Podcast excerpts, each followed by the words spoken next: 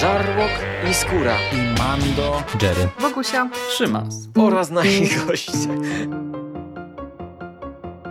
Konglomerat podcastowy. Wasze ulubione podcasty w jednym miejscu. Zapraszamy. Zapraszamy. Zapraszamy. zapraszamy. Zapraszamy!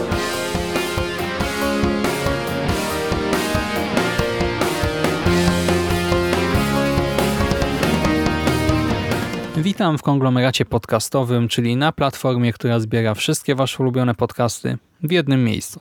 Po tej stronie mikrofonu Szymon Szymaś-Cieśliński. Cześć i dzisiaj po raz kolejny, przedostatni chyba w konglomeracie podcastowym, powrócimy do festiwalu Transatlantyk 2018, który odbył się w Łodzi latem tego roku. I wracamy do festiwalu, bo no minęło od niego trochę czasu, ale nadal nie opowiedziałem wam o wszystkich filmach, które w jego trakcie obejrzałem. Dziś nadrabiamy zaległości i zrecenzuję dla was e, 1000 Arten Regen zu beschreiben, czyli tysiąc gatunków deszczu. Tysiąc gatunków deszczu to, no, jak słyszeliście po tytule, film niemiecki. Jest to reżyserski debiut pełnometrażowy Isabel Prahl ze scenariuszem autorstwa Karin Kaci. Swoją niemiecką premierę zaliczył pod koniec marca tego roku, a w Polsce no, dystrybucji pewnie się nie doczeka, no ale jest wyświetlany na festiwalach. No słyszycie, koniec marca w Niemczech, u nas już latem był w Polsce, więc no, nawet nie wiedziałem, jakie to wydarzenie dla kinomaniaka. Film otwiera scena, w której matka Zuzan, ojciec Thomas i siostra Miri stoją przed zamkniętymi drzwiami pokoju Majka, Michaela. Stoją przed zamkniętymi drzwiami i śpiewają 100 lat. Drzwi jednak pozostają zamknięte i dowiadujemy się chwilę potem, że są zamknięte od wielu tygodni. Zamknięty w pokoju nastolatek jest zdrowy, tak orzekli lekarze. Po prostu zamknął się w tym pomieszczeniu świadomie i nie wychodzi z niego praktycznie wcale. Opuszcza go jedynie, gdy udaje się do łazienki, ale i to tylko wówczas, jeżeli akurat nikt nie czaczuje na korytarzu, jeżeli nikt go na tym nie przyłapie. Tę przestrzenną izolację pogłębia fakt, że komunikację z bliskimi też ograniczył do minimum. Nie tylko jakiś kontakt taki wizualny czy fizyczny, ale i jakąkolwiek komunikację. Nie odpowiada na żadne próby nawiązania rozmowy, na żadne pytania. Jedynie czasem pozostawia pod drzwiami karteczki. Karteczki też nietypowe, bo umieszcza na nich opis opadów. Opadów deszczu w danym mieście, w danym regionie, czy to w Niemczech, czy na świecie. No i w tej sytuacji rodzina jest absolutnie bezradna. Nie wie, co, co, co z tym wszystkim zrobić. Tak nie radzi sobie z zachowaniem syna czy też brata. Początkowo próbują jego krewni zaakceptować tę sytuację, ale ta próba zawodzi. Z biegiem czasu napięcie narasta, a domownicy zaczynają zachowywać się dość nieprzewidywalnie. Taka izolacja to nie jest coś zupełnie abstrakcyjnego. Coś takiego istnieje w rzeczywistości i właśnie zjawisko izolacji w obrębie własnego domu przez okres powyżej 6 miesięcy ma nawet swoją nazwę. W Japonii określa się to mianem hikikomori. Hikikomori dosłownie oznacza połączenie właśnie wycofania się i ukrycia się. I ten niemiecki dramat przenosi to zjawisko do europejskiej mieszczańskiej rodziny. Obserwujemy przede wszystkim trzy jednostki, egzystencję trzech jednostek, które nie radzą sobie z izolacją Majka, Michaela.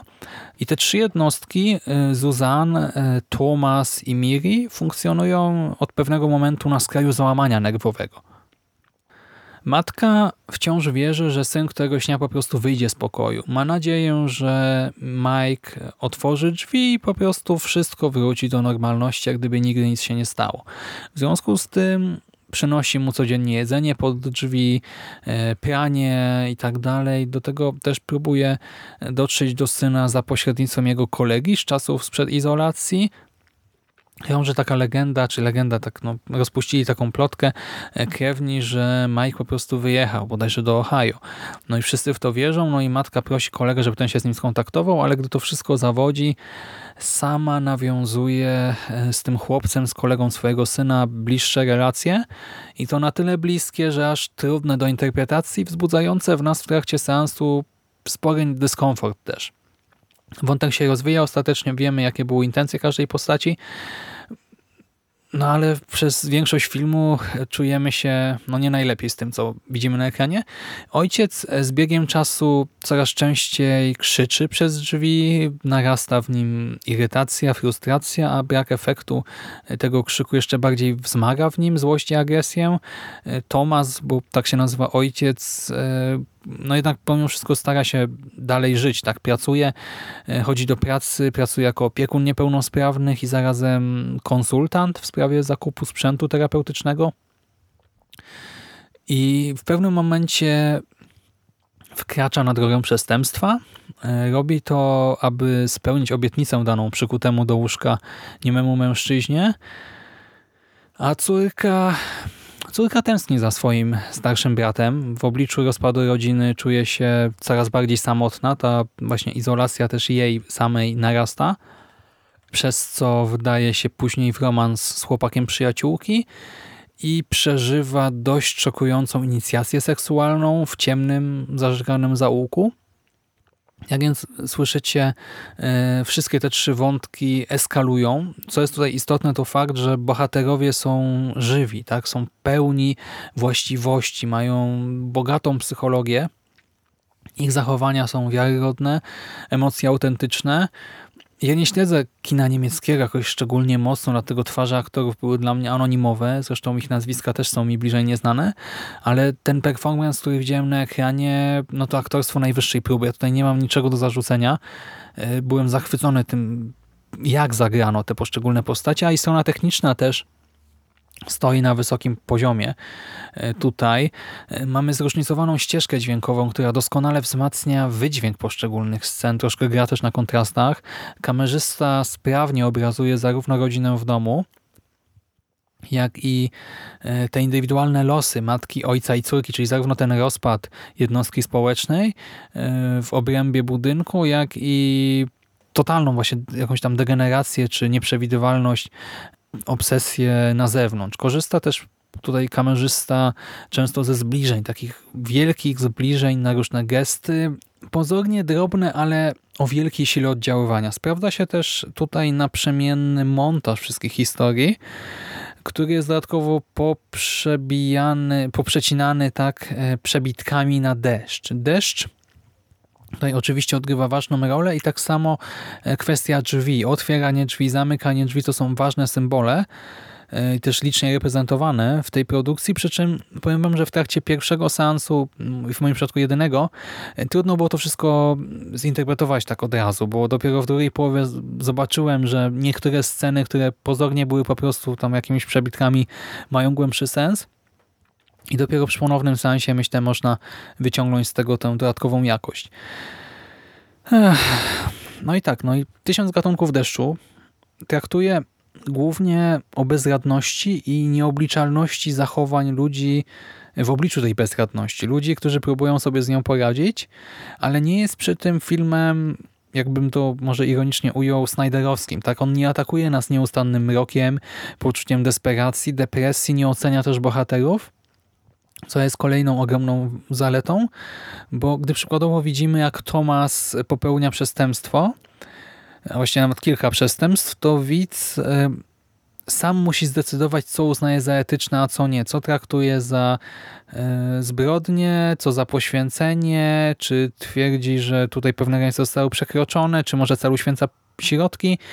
Film nam tego nie narzuca i to jest naprawdę w porządku, jeżeli chodzi o twórców, także pozwalają nam samodzielnie wyciągać wnioski i dla mnie jest to dzieło niemalże idealne tak naprawdę, ale pewnie wielu widzów zawiedzie fakt, że ten pozornie główny wątek e, Majka nie zostaje rozwiązany, czy też znaczy zostaje jakoś tam doprowadzony do końca, ale nie zostaje wyjaśniony. Film nie powie nam, e, co skłoniło Majka do zamknięcia się w pokoju.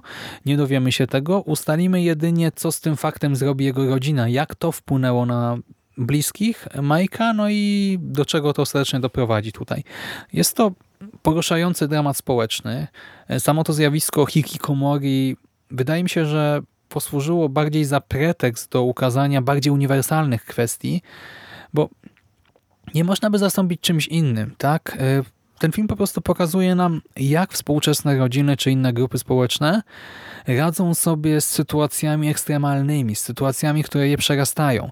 Tutaj mamy do czynienia z ekstremalną izolacją syna i brata e, w obrębie domu, ale równie dobrze można by to zastąpić. Mogłoby chodzić o zdradę, długi, przemoc, czy wiele innych rzeczy, które doprowadziłyby właśnie do takiej spirali milczenia, kłamstw i eskalacji negatywnych emocji. Jeżeli zobaczycie, że ten film pojawi się na jakimkolwiek festiwalu w waszej okolicy, to ja szczerze polecam, by go nadrobić, bo to jest naprawdę świetnie zrealizowany, dobrze napisany, ciekawy i też przez to, że ten wątek Majka jest taki dość abstrakcyjny, to też świeży, e, dość oryginalny dramat. Ja serdecznie polecam i to już wszystko ode mnie na dzisiaj. Trzymajcie się ciepło. Do następnego razu. Cześć.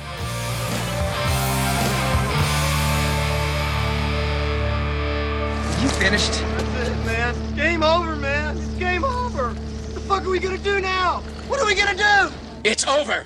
Nothing is over! Nothing! You just don't turn it off!